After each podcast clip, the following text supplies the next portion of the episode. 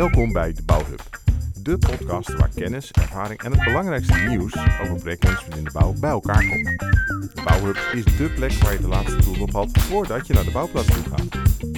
In deze podcast delen wij onze kennis en ook die van anderen, omdat wij erin geloven dat delen leidt tot vermenigvuldiging. De Bouwhub wordt gemaakt door procesmanagers, een club van denkende doeners in de bouw, infra en industrieprojecten.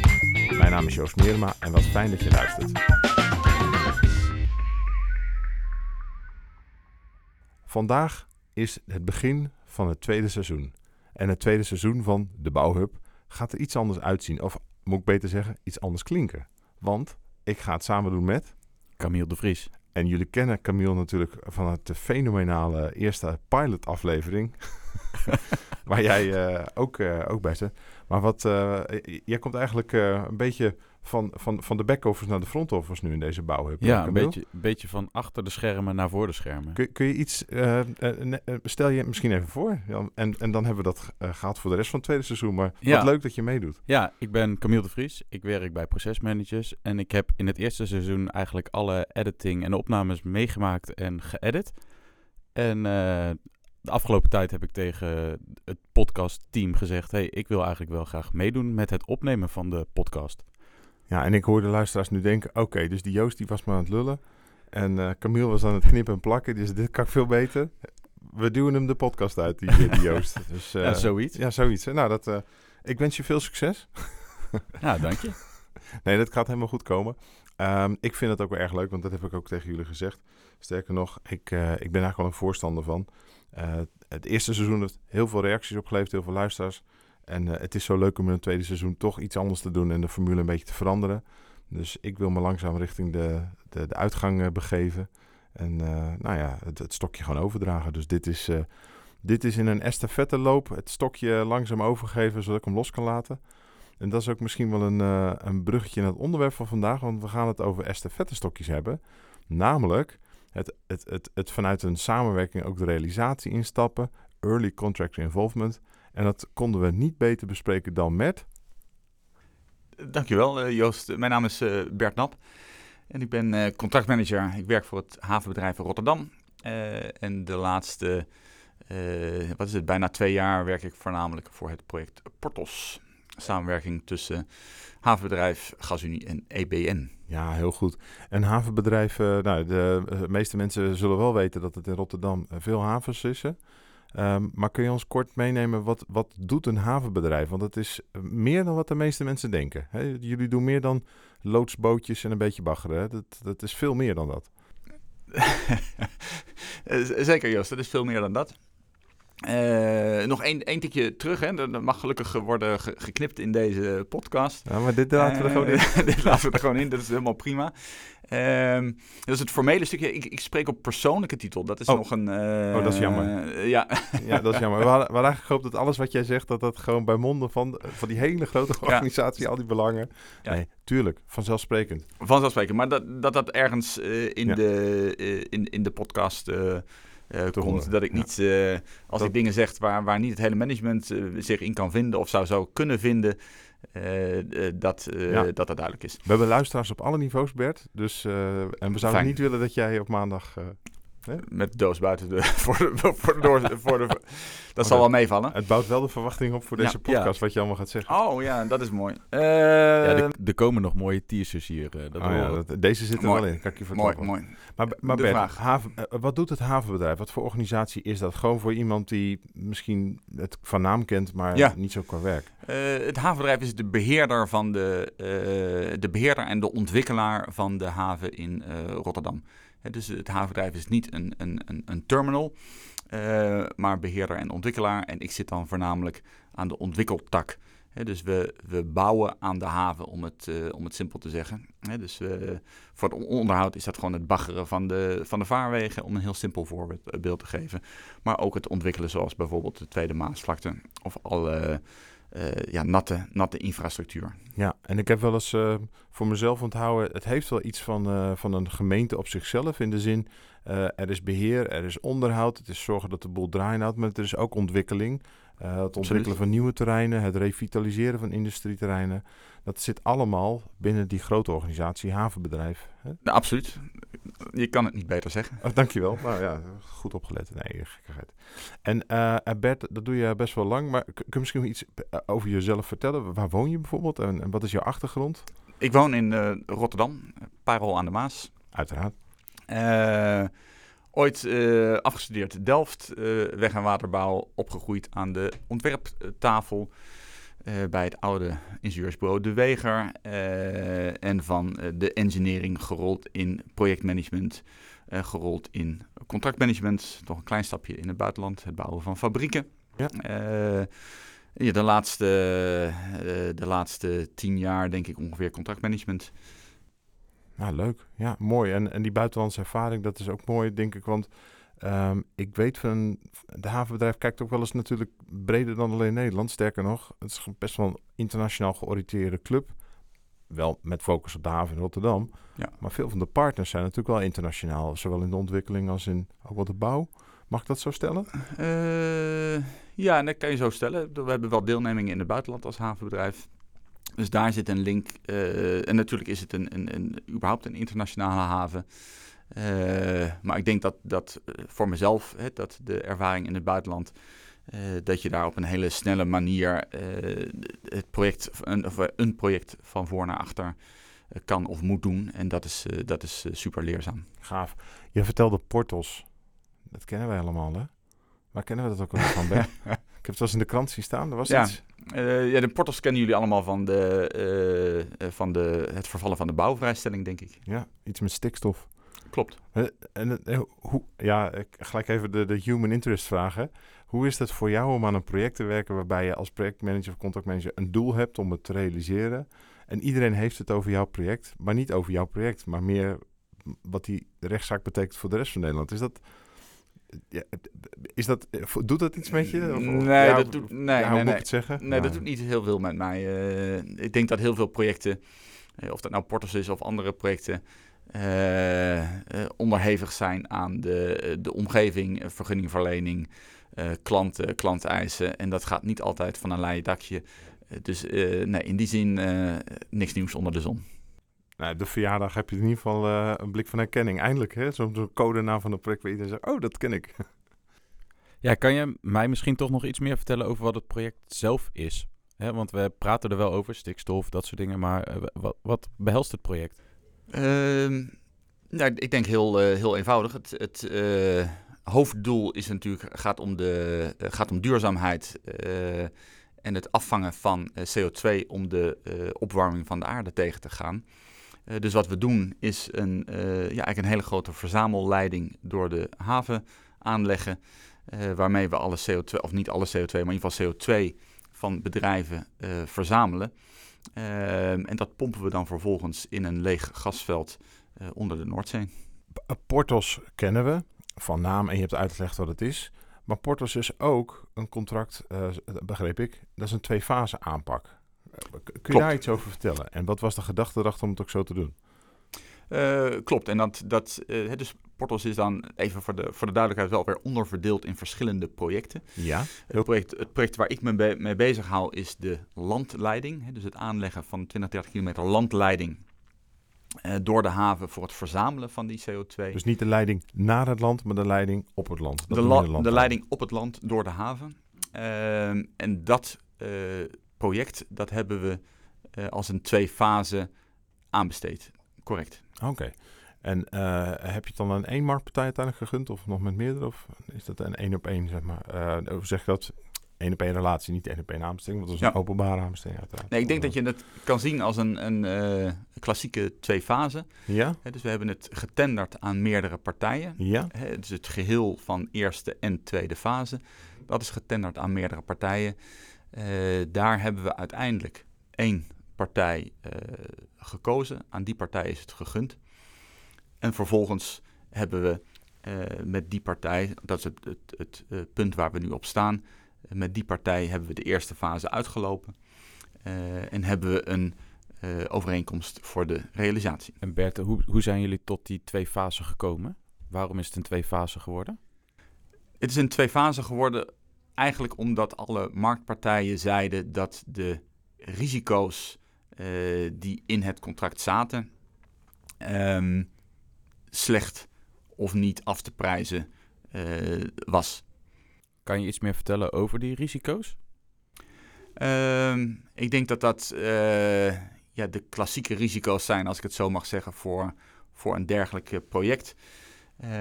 Deels technische risico's, uh, ondergrondvervuiling, al dat soort zaken. Die, al, niet al die informatie was bekend, maar voor een heel belangrijk deel ook de risico's die komen uit de omgeving. We hebben 100 plus stakeholders in dat gebied.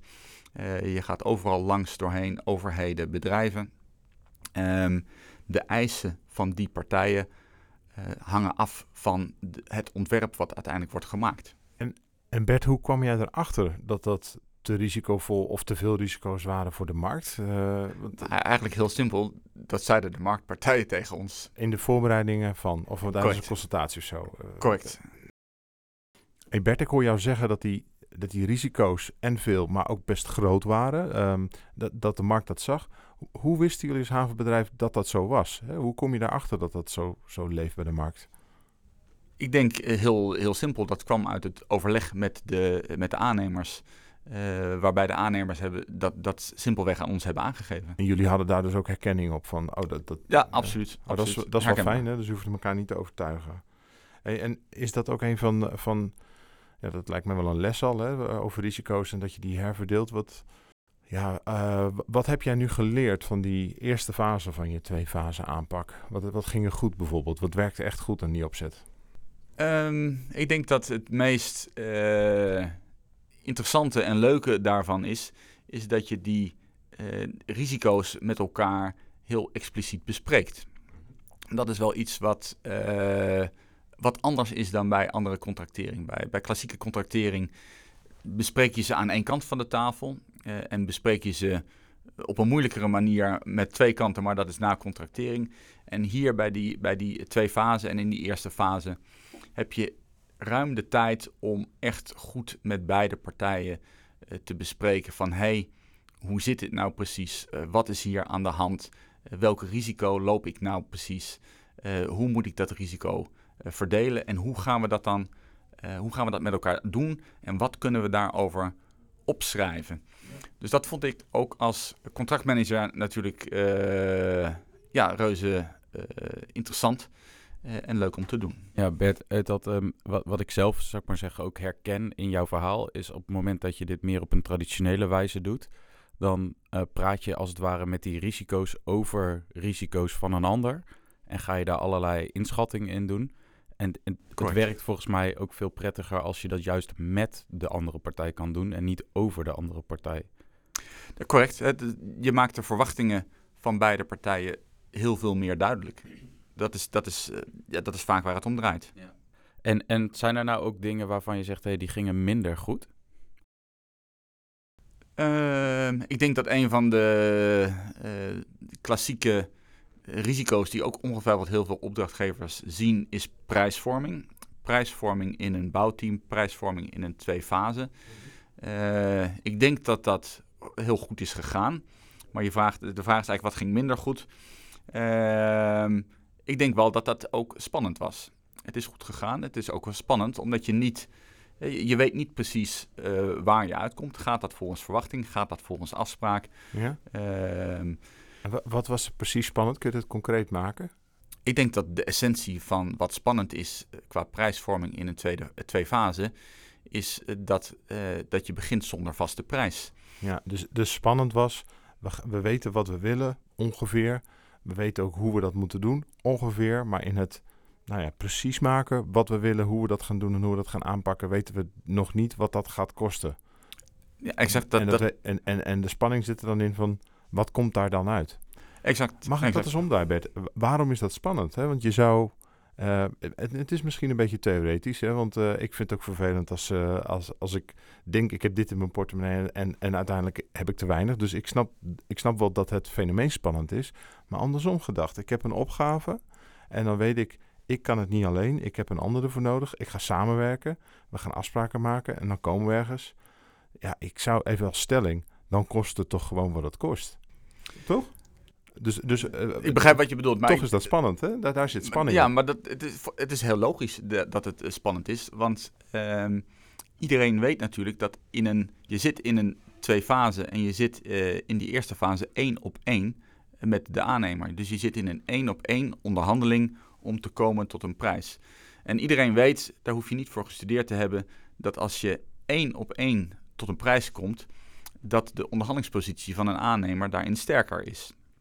Uh, sterker nog, je zou kunnen uh, stellen dat met het resultaat aan het eind van een eerste fase, omdat dat één op één tot stand komt, dat het daarmee een hogere prijs is uh, dan als die, datzelfde resultaat in competitie zou zijn aangeboden. Maar dat is een hypothetische. we gaan klopt, gelijk er diep klopt. in. Want die had je niet, hè, die competitie. Anders had je klopt. dat wel gedaan. Dus dat is een beetje mijn punt. Uh, en ik haak trouwens niet alleen in op jouw verhaal. Dit is ook iets wat bijvoorbeeld op de Marktdag Rijkswaterstaat ge gedeeld is. Hè. Rijkswaterstaat is bezig met zijn twee fase uh, aanpak. En die ziet nu al van, wij vinden het best wel spannend om uit te leggen wat een project kost. Zeker als het meer is dan dat wij aan de voorkant dachten. Uh, want ja, er is gewoon geen competitie op die prijs geweest. Er is competitie op kwaliteit en aanpak en visie en ook wel prijscomponenten geweest. Klopt. Maar die prijs voor dat project niet. En volgens mij zegt de markt, ja, maar als je het alleen had gekund, dan had je het zo moeten aanbesteden. En dit is wat het kost als je het niet alleen kan. Dat komt niet eens. Dus, eens. Nee, ik wil niet. Uh... Ik maak hem even expres wat scherp hoor. Maar... Ja. Nee, maar ik, ik, dus ik denk, als antwoord op jouw vraag, uh, waarom is het spannend? Uh, is volgens mij heel makkelijk uit te leggen. Het is spannend omdat je in een één op één relatie zit met de aannemer. Waarbij je onderhandelingspositie anders is en uh, slechter is eigenlijk, hè, puur vanuit markteconomisch uh, punt, dan met meerdere partijen. Ik wil daarmee niet zeggen uh, dat het resultaat wat je hebt aan het einde van de eerste fase, dat dat economisch een slechter resultaat is. Dat absoluut niet. Wat, wat ik Joost ook hoor zeggen is, als je het wel alleen had gekund en dus daar beter beeld van had kunnen hebben, dan had je dat wel gedaan. Omdat je het niet hebt, um, is het niet per definitie zo dat het daarmee dan dus ook duurder is. Om, omdat je het niet eerder had kunnen weten. Hè? Dus Klopt. Je, hebt, je hebt de ander ook nodig om tot dit resultaat te komen. Klopt. Ik denk dat er in die eerste fase twee dingen zijn uh, gebeurd. Eén, uh, het resultaat wat wij aan het eind van de eerste fase hebben in samenwerking met de aannemer, is een beter en een sterker resultaat dan wat we hadden bereikt als we het alleen hadden gedaan. Dat is top. Dat, daar ben ik van overtuigd. Daar kan je over discussiëren of dat zo is. Maar dat, daar ben ik van overtuigd. Um, twee, we hebben natuurlijk alle verwachtingen. Hè, dus dat, dat, wat we net zeiden ten aanzien van de risico's. We hebben al die verwachtingen heel goed met elkaar kunnen bespreken. En goed kunnen vastleggen. Ik ben er ook van overtuigd dat wij een, dat moet nog blijken, maar ik ben er op dit moment van overtuigd dat wij een eenvoudiger en een effectievere realisatiefase gaan hebben met minder gedoe. Nou, dat spreekt, uh, uh, dat spreekt Onze. ook ons wel aan. Ja, uh, ja, ja. Met de club die als samen beter bouwen als eh, purpose heeft. Nou, dat, dat- en dat is natuurlijk de belofte van eh, twee fasen. Er is volgens mij niemand die zegt... eh, twee fasen leidt tot, of bouwteam of wat dan ook... leidt tot goedkope projecten. Ehm, maar de belofte is volgens mij, in mijn beleving... het leidt niet tot duurdere projecten.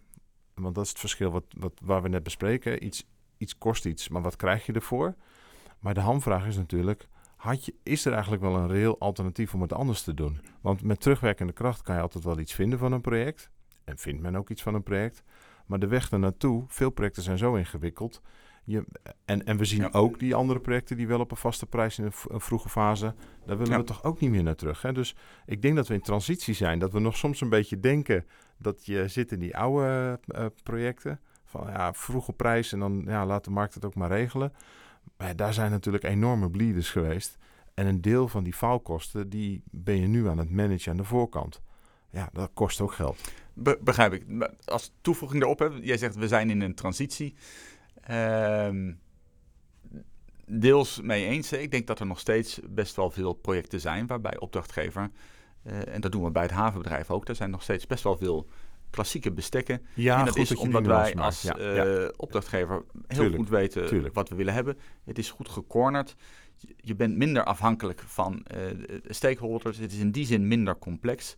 Hè, dus dat bij Portos, eh, ik weet niet of dit interessant is voor de, voor, voor de po- eh, podcast, maar dat is, ehm, hè, dat is bij eh, het, het, het natuurlijk ook wel degelijk de afweging van, hey, hadden we dat nou zelf gekund? Ja. Ehm, of hadden we de marktpartijen wel degelijk no- nodig gehad om te komen tot dit resultaat? Dat is echt wel een, een discussie en dat is denk ik ook de crux van de afweging. Moet je gaan voor een bouwteam of een twee-fase of moet je daar niet voor gaan? Daar, daar zit hij. Dus ik denk dat we dat goed hebben eh, gekozen, dat we een, een, een beter resultaat hebben. Maar het is wel degelijk voor discussie vatbaar. En ik vind die discussie ook, ook, ook spannend. Tuurlijk. Dus, en eh, goed dat je die nuancering maakt hoor. Want eh, er zijn natuurlijk genoeg projecten waarbij je dit niet nodig hebt om het te doen. En zoals een goede podcastgast hier ooit zei, Freek van Berkel van Common Eye.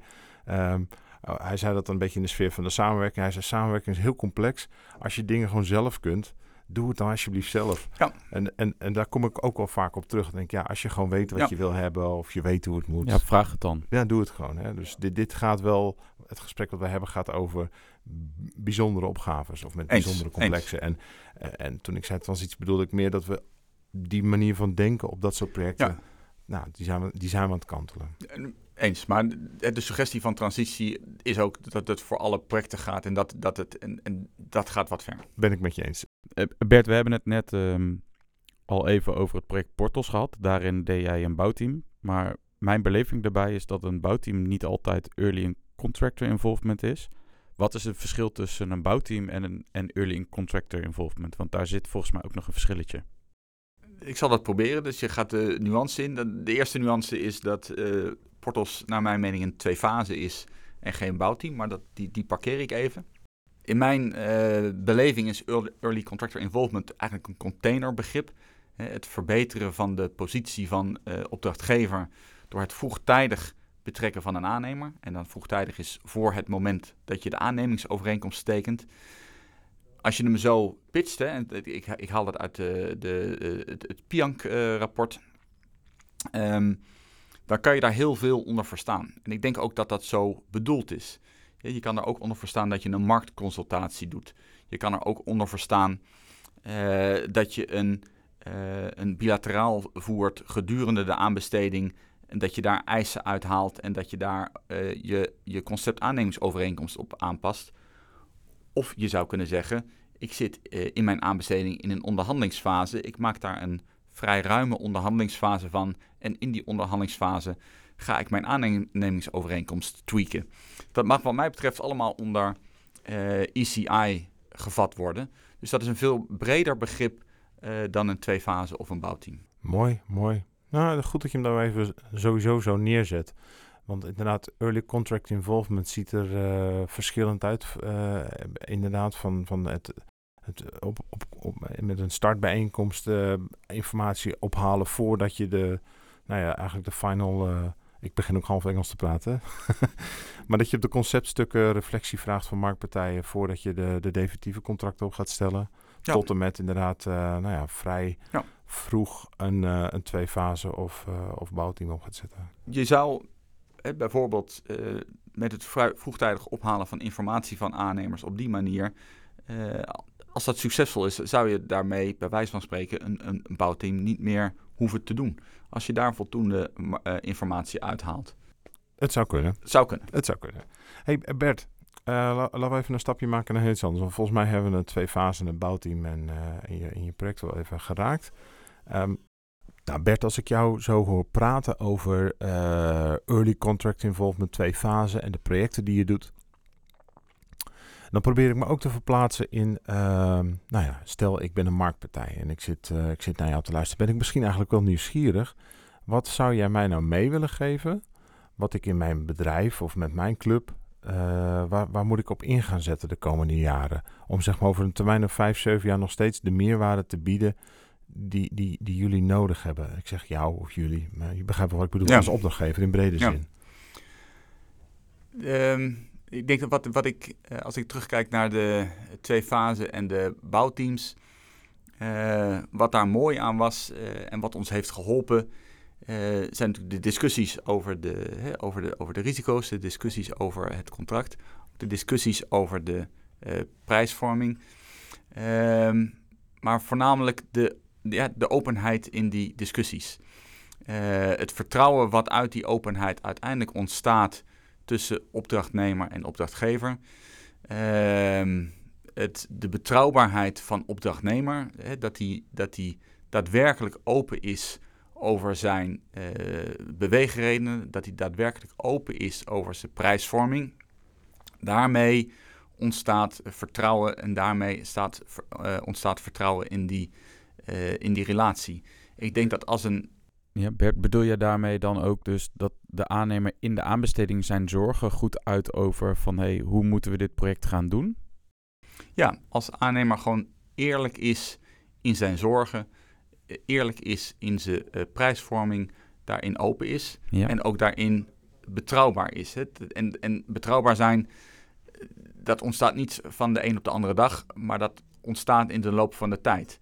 Dat hetgene wat hij heeft gezegd en de openheid die hij heeft gegeven, dat dat ook waar blijkt te zijn. Mhm. En dan ontstaat er een vorm van uh, vertrouwen. En ik denk dat dat ja, enorm belangrijk is. Ja, geen verborgen agenda hoor ik je eigenlijk zeggen. Geen verborgen agenda. Ja. ik, begrijp het, ik begrijp natuurlijk wel de belangen van een aannemer en de belangen van een opdrachtgever. Dat blijft altijd uh, anders. Daar blijven altijd andere belangen.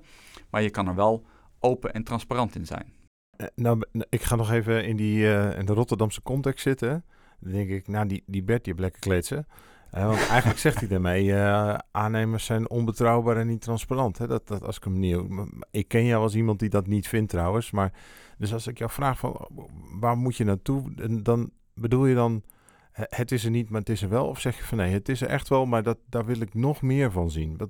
Ik denk dat dat laatste, dat je dat eigenlijk al heel mooi, mooi invult. het, is er, het is er zeker. Uh, en daar kan, je, ja, daar kan je meer van zien. En dat vind jij fijn om daarmee te werken? Want volgens mij, als je het over je projecten hebt en, en je, in je ervaring zeggen... hé, hey, maar dat heb ik gezien, dat doen die marktpartijen, dat, dat bevalt me uitstekend. Uh, dat is niet een makkie, maar het is wel nodig. En daar wil ik meer van zien. Daar wil jij meer ik, van ik de ben daar niet, uh, Ik ben daar niet uh, uniek in. Hè. De, de, de, heel veel met mij vinden dat prettig. Ja. En niet alleen aan opdrachtgeverskant, maar ook aan aannemerskant. Vinden de mooi. mensen dat precies hetzelfde, denk ik. En, ik, en, en die tool, hè, wat, er is natuurlijk niet een, een, een tweedaagse cursus open, transparant. En, en dan krijg je daarna een diploma met u bent nu nog, nog beter in staat om... Dus om het een beetje weer klein te maken, wat, wat betekent dat in, in misschien wel in aansturing van een team? Of wat, wat kan een leidinggevende binnen een marktpartij hier aan bijdragen, denk je? Aan aannemerszijde. Ja, of misschien ook wel ingenieursbureau. Of wat, maar in ja. brede zin. Hè, wat, uh, want als je dit wil, dan denk ik, ja, dat, dat wil ik. Maar, maar hoe? hoe hè?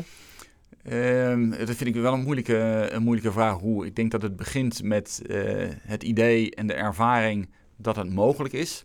Er moet iets van een ervaring zijn dat je daar vertrouwen in krijgt. Um, daar verder op inzetten. Uh, en langzaam maar zeker dat, dat vertrouwen tussen partijen zien te winnen. Dat gaat niet van de een op de andere dag. ik heb daar geen, geen, geen wondermiddel voor. Nou, misschien is het ook een voorbe voorbeeldgedrag. Dat zou het ook kunnen zijn. Hè? nou, zeker, zeker. Je hebt altijd iemand nodig die daar, denk ik, laat zien hoe dat kan. Die daar een, een, een leidende rol in neemt. Ja, ja.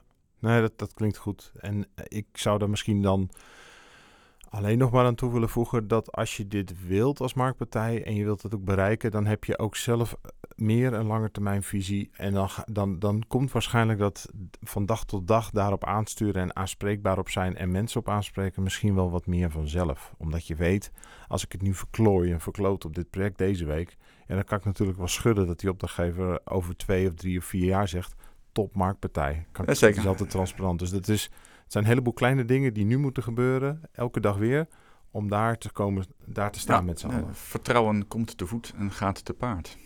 Bert, we hebben het gehad over de bouwteam en de early contract involvement en uh, uh, het, het, uh, het, het, project wat je net met ons doornam, Portos.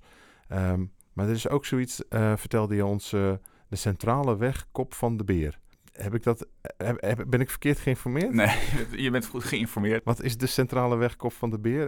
Ik denk dat, dat, eh, dat je dat project noemt omdat dat, eh, dat is een bouwteam, maar het is ook een hele praktische tegenhanger eh, van de misschien wat hoogdravende bouwteams twee fasen aanpakken. Mooi. Waarbij we eigenlijk vanuit het havenbedrijf heel simpel hebben gezegd, we moeten supersnel iets gerealiseerd hebben. Ja. En we hebben vanuit de overweging supersnel een bouwteam eh, gekozen. Puur vanwege snelheid.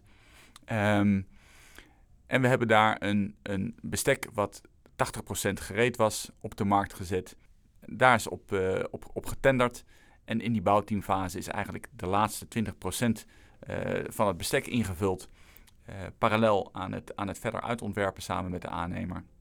Dus dat is een hele, een hele praktische, minder hoogdravende invulling van een bouwteam. Ja, dus daarmee zeg je eigenlijk daar waar je bij Portos voor een bouwteam hebt gekozen vanwege eh, risico's die de markt zag. Hebben jullie nu gekozen vanuit snelheidsoogpunt om, om daar een bouwteam voor te nemen? eh, om, om zo snel mogelijk dit project in de realisatie te krijgen? Ja, hè, dus eh, nogmaals, Portal zie ik als een twee fase. Ehm, maar het klopt, een andere overweging, snelheid, maar ook om dat duidelijk te maken, eh, een bouwteam waarbij je start met een voor een heel groot deel een vaste prijs. En dat die, die prijs ligt vast, je hoeft daar minder te onderhandelen eh, over de prijs. Dat maakt het ook minder spannend, want dat was een van de, van de zaken die altijd spannend zijn bij zo'n bouwteam twee fase. Daar is minder onderhandeling over. Aannemer heeft toch de mogelijkheid om voordat hij start in overleg te gaan met de opdrachtgever. Mhm. Toch die risico's bespreekbaar te maken. Eh, aannemer was daarmee heel blij. Eh, en het is een succesvol project geweest. Weinig discussie over eh, prijs. Eh, een goed raamwerk vanuit het bestek wat er ligt voor die prijsherzieningen. En, en Bert, als jij het dan over prijs hebt, dan heb je het ook al over de, de prijs van de aannemersom om het te realiseren. Dus niet alleen maar de prijs van het ontwerp, maar ook van het tweede deel. Klopt, dus op het moment van, van gunning ligt, zegt 80% van de uiteindelijke prijs ligt eigenlijk al vast. Ja, ja. Nou ja, follow-up daarvan. Ehm, je hebt volgens mij best wel wat veel denkwerk gezet op de combinatie van prijs en kwaliteit en waar gun je dan op? Hè? Even als stelling, eh, wat vind jij bijvoorbeeld van een project waarbij eh, de, de engineeringsfase afgeprijsd wordt, maar er wordt nog niks over de bouw, bouw, nou ja, bouwsom gezegd? Hoe, wat, eh, de stelling is, dat kan gewoon en dat gaat goed. Wat zeg jij dan? Ehm, nou, het is een, ik denk dat dat, eh, hè, als je, als je eh, het argument in overweging neemt dat je als opdrachtgever de meest economische, eh, aan de meest economische partij moet gunnen, ehm, is het niet zeker dat als je alleen gunt, of denk misschien wel allerminst zeker, dat als je alleen gunt op de kosten van de engineeringsfase, dat die meest economische oplossing daarmee geborgd is. Mhm. Dus ik sta daar wel eh, kritisch tegenover, om het maar heel simpel te zeggen. En- stel dat we dat wel met z'n allen gaan doen. Om- het even het, het voorbeeld vooral groot te maken hoor, want dat, dat praat lekker makkelijk, zullen we maar zeggen. Stel toch gaan we dat doen op heel veel projecten. Wat, wat denk je wat er dan nou ja, in de long run gaat gebeuren? Eh, wat mij betreft is dat een afbreekrisico voor de bouwteams en de eh, twee fasen. Want? Want ik denk dat, eh, of in ieder geval dat is een reële mogelijkheid, eh, dat voor een aantal projecten dan zal blijken dat het resultaat misschien wel niet het meest, economisch, eh, meest economische resultaat is. Zal blijken dat dat wellicht zijn oorzaak vindt in die methode van, van gunnen. Maar in ieder geval zal het een bouwteams en twee fasen een slechte naam kunnen geven, omdat daarmee geld verspild wordt. Ik zeg het maar even heel plat. Nou, ik, vind het wel mooi dat je dat zegt, want ehm, ik denk dat dit een soort een zorg is die bij een aantal wel onder de oppervlakte leeft als het gaat om twee fasen en bouwteams. Ehm, zowel in de zorg van wordt het niet te duur, maar er zijn, ja, ik denk ook wel van jongens, als je het dus met z'n allen te duur maakt en je let daar niet op, dat, dat is de korte klap. Maar het- we raken dan een Klopt. instrument kwijt die we donders goed nodig hebben voor nou ja, de grote verhalen van deze tijd. Energietransitie, klimaatadaptatie, HBP-projecten. Ik, ik denk dat, dat, dat je dat kan splitsen. hè. Dus ik denk dat in die, in die eerste fase dat je met elkaar dat ontwerp maakt en dat je die prijs bepaalt, eh, dat je daar voor dat deel best goed in control kan zijn over de prijs die daaruit komt. Maar dat wil niet zeggen dat als je hebt gegund puur alleen op de engineeringskosten, dat je daarmee de partij aan tafel hebt die ook het beste resultaat aan het eind van die eerste fase zou hebben geleverd. En daar kan natuurlijk nog best wel wat, wat in zitten. Dat je dan achteraf denkt aan het eind van die eerste fase van, oh jee, ja. was dit nu wel de beste partij? Ja, ja, ja. ja, maar toch bekruipt mij elke keer als we dit zo bespreken het gevoel een beetje van, we proberen heel erg het op een zo laag mogelijke prijs te, te, te pinpointen. En um, ik heb het gevoel dat we eigenlijk, omdat we dit soort dingen ook niet alleen kunnen, uh, ook, ook dat hebben we geconstateerd met elkaar, heb ik heel het gevoel van, we moeten het eigenlijk niet zien als een te hoge prijs, maar meer als een investering die we met elkaar moeten doen, omdat we het, omdat we het gewoon niet in ons eentje meer kunnen. Die projecten die zijn in vele situaties op vele verschillende manieren um, dus te risicovol, moeten in een te korte tijd gerealiseerd worden. Er, er, is zoveel context bij wat zorgt dat we deze investering gewoon met elkaar moeten maken. Dat argument begrijp ik. Daar, daar ben ik het mee eens. Um, maar dat neemt niet per se het argument wat ik net zei weg. Nee, nee dat klopt. Nou, het is, het is dus, een, als ik jullie zo hoor, hè, het is een, een beetje een punt van we moeten het kind niet met het badwater gaan weggooien. Ja, dus we hebben nu een tool, die zijn we aan het ontwikkelen. Daar zijn we ervaring mee aan het opdoen. Uh, die tool kan gebruikt worden en gezien worden van zie je wel, het, uh, het, het kan niet uit. Maar daarmee doen we eigenlijk geen recht aan de opgaves die we ondertussen wel realiseren. Um, aan de andere kant uh, ben ik er ook wel van overtuigd dat, ja, hoe zou ik het zeggen? Um, er gaat zoveel geld om in bouwprojecten. En het is zo zichtbaar dat uh, als je daar niet op een goede manier uitleg aan weet te geven waarom. Uh, doelmatigheid heeft denk ik ook wel een aspect van uitlegbaarheid. En, en, doelmatigheid is aan de ene kant misschien wel objectief veel te onderzoeken, maar het gaat om uitlegbaarheid. En als ik dan even iets lelijks mag zeggen over andere branches, bijvoorbeeld in de, in de softwareontwikkeling of ICT-systemen. Volgens mij, als je daar kijkt hoeveel projecten er gewoon niet of half afgebouwd worden of tien jaar lang doorlopen, daar zouden wij in de bouw eerlijk gezegd nooit mee wegkomen. Ik kan me niet voorstellen dat we tien jaar aan een, aan een brug werken en dat we dan halverwege zeggen, nou weet je wat, we doen het gewoon niet. Nou, dan ziet het er een beetje uit zoals Zuid-Europa. Hè? Dan, hebben we van, van die bouwwerken waar we nog... Uh... Nou, ja. dus, dus ik, ik, ik trek even de parallel. Dat, dat, begrijp ik. Dus ik begrijp, maar ik denk dat je daarmee ook heel mooi het afbreukrisico duidt. Uh, want daar zitten we niet. En we moeten er ook voor zorgen dat we daar niet komen. Exact. En, en zo hoor ik je ook, denk ik, jouw uh, redenatie van... Uh, het is eigenlijk een waarschuwing. Dus, correct, het correct. Is, het is een, maar wel eentje vanuit constructief en, en een positieve waarschuwing. Het is niet eentje uit wantrouwen, toch Bert? Uh, het is niet eentje uit, uit, wantrouwen, zeker niet. Ik denk dat iedereen uh, vanzelfsprekend het beste probeert te doen. Helemaal eens. maar wel een kritische noot. Nou, helder ook. En, en die kritische noot, die, die, die hoorden we ook te zetten op de bouwhub.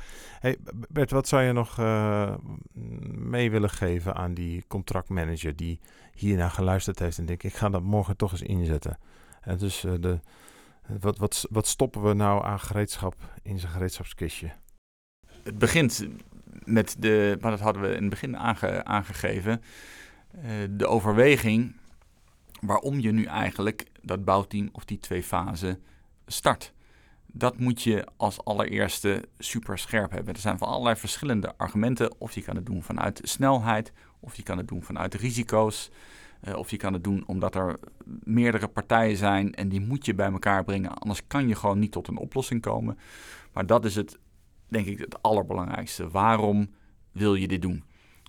En als tegenhanger, waarom doe je het eigenlijk niet gewoon zelf? Waarom pak je niet alles zelf op? Dat is stap 1 om dat super scherp te krijgen. Mooi. En uh, daarmee zeg je twee dingen. Als je het dan zelf kan, probeer het dan ook zelf te organiseren.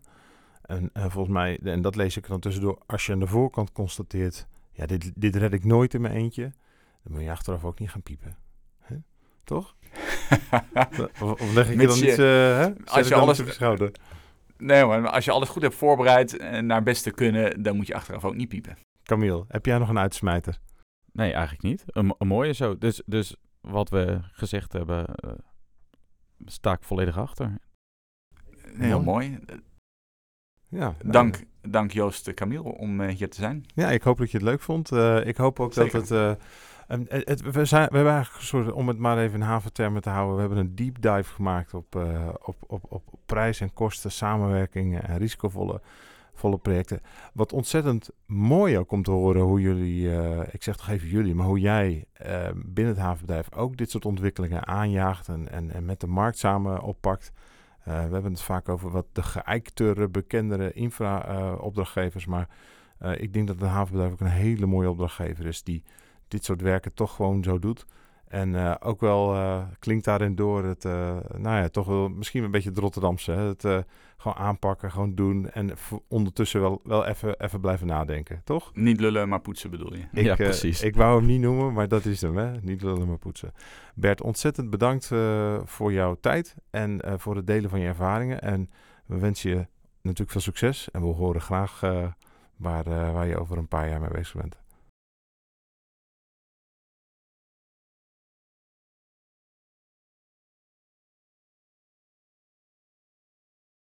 Bert, ontzettend bedankt voor de tijd en de energie die je hebt vrijgemaakt om eh, ons mee te nemen in jouw ervaringen.